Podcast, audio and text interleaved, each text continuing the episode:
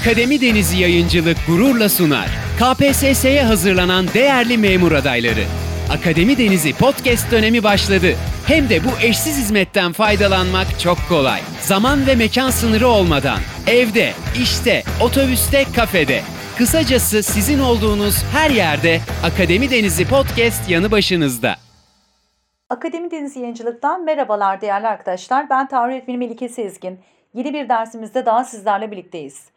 En son sizlerle Türklerin İslamiyet'e girişi, İslamiyet yaptıkları hizmetler ve Karahanlar ile Gazelilerden söz etmiştik. Bu dersimizde konumuza kaldığımız yerden Büyük Selçuklulardan itibaren devam edelim. Büyük Selçuklu Devleti 1037-1157 yıllar arasında hüküm süren bir devlet olup Oğuzların Üç Oklar kolunun kınık boyundan gelir arkadaşlar. Türkistan'dan Akdeniz'e kadar uzanan bir imparatorluk kuran Selçuklular, adlarını Oğuzların Yapgu Devleti'nin ordu komutanı iken kendine bağlı boylarla birlikte Maviran Ünyer yöresine göç eden Selçuk Bey'den almıştır. Selçuk Bey Oğuz Yapgu Devleti'nin subaşısıdır. Oğuz Yapgu Devleti'nden ayrılarak Cent şehrine yerleşti. Selçuk Bey'den sonra başa geçen Arslan Yapgu Gazeler tarafından ortadan kaldırıldı. Sonra artık bu devletin başına Tuğrul Bey geçti ve Tuğrul Bey kardeşi Çağrı Bey ile birlikte ülkeyi yönetmeye başladı. Evet adını Selçuk Bey'den aldı dedik arkadaşlar ama kurucusu Selçuk Bey değildir bu devletin. Kurucusu Tuğrul Bey'dir. Peki neden Tuğrul Bey dersek? Çünkü bazı alametler var. Tuğrul Bey Gazzenlerle 1035-1038 yıllarında Nesa ve Serah Savaşı'nı yapmış ve her iki savaşta kazanarak Serah Savaşı'ndan sonra Nişabur'u ele geçirip burada adına hutbe okutup para bastırmıştır. Bu nedenle devletin kurucusu olarak Tuğrul Bey kabul edilmektedir. Büyük Selçuklu Devleti kurulduğu sırada Gaznelilerle sürekli mücadeleler var. Selçuklarla Gazneliler arasında 1040 yılında Dandana Kan Savaşı yapılmıştır. Dandana Kan Savaşı arkadaşlar çok önemli. Daha önce de söz etmiştik. İşte Gazneli açısından sonucuna baktığımızda Gazneliler bu savaşta zayıflayıp yıkılma sürecine girmişlerdi. Ama şimdi sonucunu Selçuklular açısından değerlendirirsek Serah Savaşı ile zaten devlet kurulmuştu. Ama Dandana Kan Savaşı ile Büyük Selçuklu Devleti'nin kurulduğu artık kesinlik kazandı. Yani bu devlet artık kesin olarak kuruldu ve Dandana Kan Savaşı'ndan sonra da büyüme ve güçlenme sürecine girdi. Bu savaşın kazanılmasının ardından Horasan, İran ve Azerbaycan ele geçirildi. Bir de arkadaşlar şunu belirtmek isterim ki sorularda gelir karşımıza. İlk Selçuklu Medresesi Turul Bey zamanı zamanında Nişabur'da açıldı. Yine bu dönemde Turul zamanında Bağdat'ta yaşayan Abbasi halifesi Şii Büveyh oğlanın baskısı altındaydı ve halife Turul Bey'den yardım istedi. Bu nedenle Turul Bağdat'a sefer düzenleyerek 1055 yılında Bağdat'a gidip onu Şiilerin baskısından kurtardı. Ve Abbas halifesi bunun üzerine hutbeyi Tuğrul Bey adına okutarak Tuğrul Bey'i doğunun ve batının hükümdarı ilan etti ve ona sultan ünvanı verdi. Siyasi yetkilerini Selçuklu Sultan'a terk eden halife sadece din başkanı olarak kaldı ve böylece artık İslam dünyasının siyasi liderliği de Araplardan Türklere geçmiş oldu. Ve bütün bu olaylar yaşanırken Büyük Selçuk Selçuk Devleti bir yandan da Anadolu'ya seferler düzenlemekteydi. Özellikle Turul Bey'in kardeşi Çağrı Bey komutasında Anadolu'ya Türk akınları başladı ve 1048 yılında Bizans'la Pasinler Savaşı yapıldı. Ve yapılan bu savaşı Selçuklar kazandılar. Bizans kaybediyor. Peki bu savaşın dönemi nedir dersek arkadaşlar Bizans'ta yapılan ilk savaş ve Anadolu'ya ilk Türk yerleşmesi başladı. Pasinler Savaşı'yla ve ayrıca buraya yapılan Türk akınları artık bundan sonra daha planlı, programlı ve sistemli hale geldi. Tuğrul Bey'den sonra yerine oğlu Alparslan geçti. Alparslan döneminde Türklerin Anadolu'ya fethi hareketleri hızlı bir şekilde devam etti. Ve 1071 yılında çok önemli bir savaş yapılacak Alparslan zamanında. O da arkadaşlar Malazgirt Savaşı. Ve yapılan savaşı yine Selçuklar kazandılar. Ve bu savaşla da Anadolu'ya Türk yerleşmesi hız kazandı. Alparslan öldükten sonra sonra yerine Melikşah geçti. Melikşah zamanı devletin en parlak dönemi olup en geniş sınırlarına ulaşmıştır. Onun zamanında arkadaşlar sınırların çok genişlemesine bağlı olarak bir takım vassal yani bağlı devletler kurulmuştur. Irak, Kirman, Horasan, Suriye ve Anadolu Selçukları gibi bir takım vassal devletler ortaya çıktı. Bir de ayrıca Melikşah adına düzenlenen bir takvim var. Celali takvim. Onu da belirtmek isterim. Sultan Melikşah adına düzenlenen ve takvimi Meliki de denilen Celali takvim bu dönemde Ömer Hayyam tarafından düzenlenmiştir. Alparslan ve Melikşah dönemlerinde vezirlik yapmış olan çok ünlü bir kişi var. O da Nizamül Mülk. Nizamül Mülk devlet için önemli çalışmalar yapmış ve devletin parlak bir yaşam sürmesinde önemli bir etken olmuştur. Mesela bu e, yaptığı çalışmalara birkaç tane örnek vermemiz gerekirse Bağdat'ta Nizamiye medreselerini kurmuştur. İslam tarihindeki en büyük medreseler Nizami medreseleri Nizami Mülk tarafından kurulmuş. Alparslan döneminde yapılmış ve Melikşah zamanında da bilim ve kültür merkezi haline gelmiştir. Nizami Mülk ayrıca Türklerde ilk defa ikta sistemini uygulamış, divan örgütünü geliştirmiş ve Siyasetname adlı bir kitap yazmıştır. Bu kitabında Nizami Mülk devletin yönetimi konusunda kendisinden sonra gelenlere tavsiyelerde bulunmuş. Devletin nasıl iyi bir şekilde yönetileceğini ifade etmiştir. Batınilerle mücadele etmiş ve ne var ki Nizami Mülk bir batıni tarafından suikastle öldürülmüştür diyoruz. Peki gelelim Büyük Selçukluların zayıflama ve yıkılma nedenleri nelerdir dediğimizde yıkılışlarında tek bir faktör yoktur. Çeşitli nedenler bir araya gelmiştir. Mesela bu nedenlerin başında ilk olarak karşımıza yine her zaman olduğu gibi verasi sistemi çıkacak. Yani saltanat kavgaları diyoruz. Ülke hükümdar ailesinin ortak malı anlayışı devam etmiş.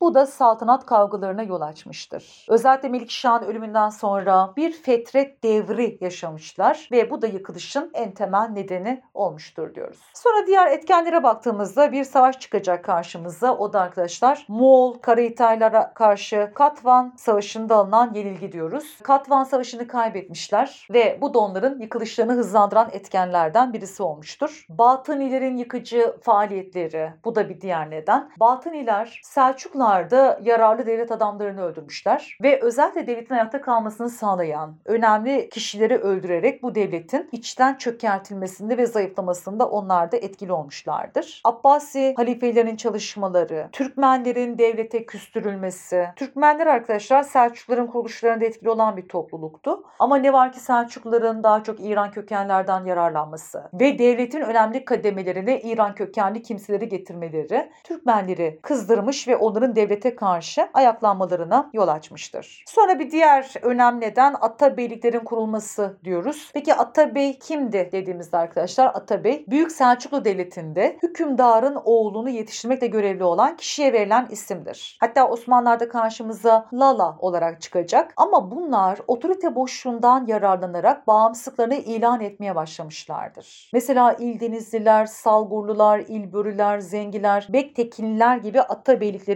kurulması ve bağlı devletlerin işte Anadolu, Irak, Kirman, Suriye gibi bağlı devletlerin imparatorluktan ayrılma çabaları bu devletin yıkılışlarını hızlandıran etkenlerden bir diğer nedendir. Bir de devletin son büyük hükümdarı Sancar'ın Oğuzlara yaptığı savaşı kaybetmesi ve bir süre sonra ölmesiyle beraber Büyük Selçuklu Devleti yıkılmıştır diyoruz. Evet arkadaşlar Büyük Selçuklardan sonra Mısır'da kurulan Türk İslam devletlerinden bahsetmek istiyorum. Mısır'da kurulan ilk Türk devleti kimdir dediğimizde sorularda sıkça gelir karşımıza. Cevabımız arkadaşlar Tolunoğulları olacak. Tolunoğulları Tolunoğlu Ahmet tarafından Mısır'da Abbasi Devleti'nden ayrılarak kurulmuş ilk Türk devletidir. Yani bir tavaifi müluk devleti diyoruz. Tolunoğullarında yöneticiler Türk, halk Arap'tır. Karahanlardan önce kurulmuş olmalarına rağmen halkı Türklerden çok Arap olduğu için ilk Türk İslam devleti olarak kabul edilmez. Ama daha önce de belirttiğimiz gibi Karahanların halkı da hükümdar da Türk ve bu nedenle ilk Türk İslam devleti olarak karşımıza Karahanlar devleti çıkmaktadır. Abbasiler tarafından yıkılmışlardır. Tolunoğlu Camii, Tolunoğulları Devleti'nin kurucusu Ahmet bin Tolun tarafından yaptırılmış olan bir eserdir diyoruz. İşitler yani Akşitler arkadaşlar Mısır'da Abbasi Devleti'nden ayrılarak kurulan ikinci Türkistan Devleti'dir. Yani o da yine bir tavaifi müluk devletidir. Suriye, Filistin ve Hicaz'da egemenlik kurmuştur. Hatta yine sorularda gelir karşımıza Hicaz'daki ilk Türk hakimiyeti bu dönemde kurulmuştur. Yani Hicaz'da ilk Türk hakimiyeti Akşitler ile beraber başlamıştır diyoruz. Ve bu devletin varlığına da Fatımiler tarafından son verilmiştir. Sonra üçüncü olarak karşımıza Mısır'da Eyyubiler Devleti çıkacak. Eyyubiler Mısır'da Selahaddin Eyyubi tarafından kurulmuştur. Bu devletin de arkadaşlar önemli bir özelliği yine sıkça gelir karşımıza. 1187'de Hıddin Savaşı ile Selahaddin Eyyubi'nin Kudüs'ü Haçlardan geri alması beraberinde 3. Haçlı Seferi'ne neden olmuştur. Memlükler Mısır'da Eyyubi Devleti'nin başkomutanı Aybey tarafından kurulmuştur. Moğollarla yaptıkları Aynicalut ve Elbistan savaşlarını kazanarak Moğolların batıya ilerlemelerini durdurmuşlardır. Arkadaşlar Moğolları tarih boyunca yenebilen devlet sayısı çok azdır. Ve bu ender devletlerden birisi Memlüklerdir. Aynicalut ve Elbistan savaşlarında Moğolları bozguna uğratmayı başardılar. Haçlara karşı başarıyla mücadele etmişlerdir. Ayrıca Memlüklerin çok önemli bir özelliği var yine. O da arkadaşlar veraset anlayışı diğer Türklerden farklıdır Memlüklerde. Memlük sultanları tamamen Türklerden oluşan Memlük ordusunun önde gelen komutanları tarafından seçilmiştir. Ve bu seçimin sonucu olarak sultanlık diğer Türk devletlerinde olduğu gibi babadan oğula geçmezdi. Ve bu durum Memlüklerin başarılı sultanlar tarafından yönetilmesini de sağlamıştır diyoruz. Moğolların Abbasileri yıkmasından sonra halifeliğin Mısır'da devamını yine Memlükler sağlayacaklar. Ama ne var ki Osmanlı padişahı Yavuz Sultan Selim'in Mısır seferi sonucunda yıkılmışlardır. Mercidabık ve Ridaniye savaşlarıyla Yavuz tarafından varlıklarına son verilmiştir. Sonra Cengiz İmparatorluğundan da biraz bahsedelim. Cengiz İmparatorluğu Cengiz Han tarafından kurulmuştur diyoruz. Devletin başkenti Karakurum kentidir. Cengiz Çin seferine çıkmış ve bu seferle Pekin kentini almıştır. Harzam Şahların bir Moğol ticaret kervanına zarar vermesi üzerine Cengiz Han Harzam Şahlar üzerine sefer düzenlemiş, Otrar şehrini ele geçirmiştir. Bunu arkadaşlar tarihte Otrar olayı ya da Otrar faciası adı verilmektedir. Cengiz'in ölümünden sonra imparatorluk parçalanmış ve imparatorluk toprakları üzerinde dört devlet ortaya çıkmıştır. Bunlar Altın Orda, İlhanlı, Çağatay ve Kubilay devletidir. Şimdi öncelikle Altın Orda devletine baktığımızda Cengiz Han'ın torunu Batuhan tarafından Hazar Denizi ve Karadeniz'in kuzeyinde kuruldu. İslamiyet'i benimseyen ilk Moğol koludur arkadaşlar unutmayalım. İslamiyet'i benimseyen ilk Moğol kolu ve kökenleri de Kuman yani Kıpçak Türklerine dayanmaktadır. Rus prensleri üzerinde egemenlik sağladı. Bu devletin yıkılması Moskova Knezliğinin Rus çarlığı haline gelmesine yol açmış ve Rusların güneye inmesini kolaylaştırmıştır. Ve arkadaşlar bu devlet Timur'un saldırısıyla yıkılmış ve Altın Orda Devleti'nin Timur'un saldırısıyla yıkılmasından sonra bu devletin topraklarında Kırım, Kazan, Astrahan, Nogay, Özbek, Buhara, Hive, Hokan, Sibir, Kasım hanlıkları kurulmuştur. Sonra İlhanlı Devleti dediğimizde o da Cengiz Han'ın torunu Hülagü Han tarafından İran'da kurulmuştur. Başkenti Tebriz kentidir. 1258 yılında Bağdat'ı alarak Abbasilere son verdiler. Ama demin de bahsettiğimiz gibi Memlük Devleti'ne aynı Calut ve Elbistan savaşlarında yenildiler. 1243'te Köse Dağı Savaşı'nda Anadolu Selçuklularını yenerek bu devletin yıkılmasında etkili oldular ve zamanla İslamiyet'i benimseyerek Türkleştiler. Çağatay Devleti'ne baktığımızda Cengiz Han'ın oğlu Çağatay tarafından Türkistan'da kurulmuştur. İslamiyet'i benimseyerek zamanla Türkleştiler ve onlar da Timur tarafından ele geçirildiler. Son olarak Kubilay Devleti'ne baktığımızda o da arkadaşlar Cengiz Han'ın torunlarından Kubilay Han tarafından Çin'de kurulmuştur. Başkenti Pekin'dir. Özellikle şuna dikkat edelim. Sorularda gelir yine sıkça karşımıza. Kurulduğu yerden dolayı Türkleşme ve Müslümanlaşma olmayan tek Cengiz koludur. Yani Türkleşme ve İslamlaşma olmayan tek Cengiz kolu Kubilay Devleti diyoruz. Bunda nedeni kurulduğu yer. Yani Müslümanların yaşadığı alana çok uzak bir yerde Çin'de kurulmuş olmasından dolayı. Timur Devleti'nden de biraz bahsedelim bahsedelim. Timur Devleti dediğimizde arkadaşlar kurucusu ve ilk hükümdar olan Timur Çağatay Hanlığı topraklarında egemenlik kurmuştur. Altın Orda Devleti'nin parçalanmasına neden oldu. Başkenti Semerkant olan Timur Devleti kısa sürede Kuzey Hindistan, İran, Irak ve Anadolu'ya kadar genişleyerek büyük bir imparatorluğa dönüştü ve 1402'de Ankara Savaşı'nda Osmanlı Devleti'ni yendi. Hatta Osmanlı'nın Fetret devrine girmesinde Timur önemli bir rol oynadı. Bir de arkadaşlar Babür Devleti'nden söz etmek istiyorum. Babür Devleti Timur'un torunlarından Babür tarafından Hindistan'da kurulmuştur. Hindistan'ın büyük kısmına hakim olmuş ve burada İslamiyet'in gelişmesinde önemli rol oynamıştır. O zaman arkadaşlar burada belirtmek isterim ki sorularda yine karşımıza gelir. İslamiyet'in Hindistan'da yayılması ve yerleşmesinde etkili olan Türk devletleri kimlerdir dediğimizde demek ki bunlardan birisi Babürler. Diğeri de tabii ki hatırlayacaksınız Gazelilerdir. Gazeli Mahmut Hindistan'a 17 sefer düzenlemiş ve İslamiyet'in Hindistan'da yayılmasında o da önemli bir rol oynamıştı. Babürlerden kalan çok ünlü bir eser var arkadaşlar. O da Taç Mahal. Taç Mahal gibi günümüze ulaşan eserler oluşturmuşlardır. Ancak İngiltere'nin Hindistan'a yerleşmesiyle İngiliz sömürge devletinin bir parçası durumuna gelmişlerdir Babürler. Bir de Babürname denilen bir eser gelir karşımıza zaman zaman. Bu da arkadaşlar tabii ki Babürlere ait olup Babür Babür Şah'ın hayatını anlatan bir eserdir diyoruz.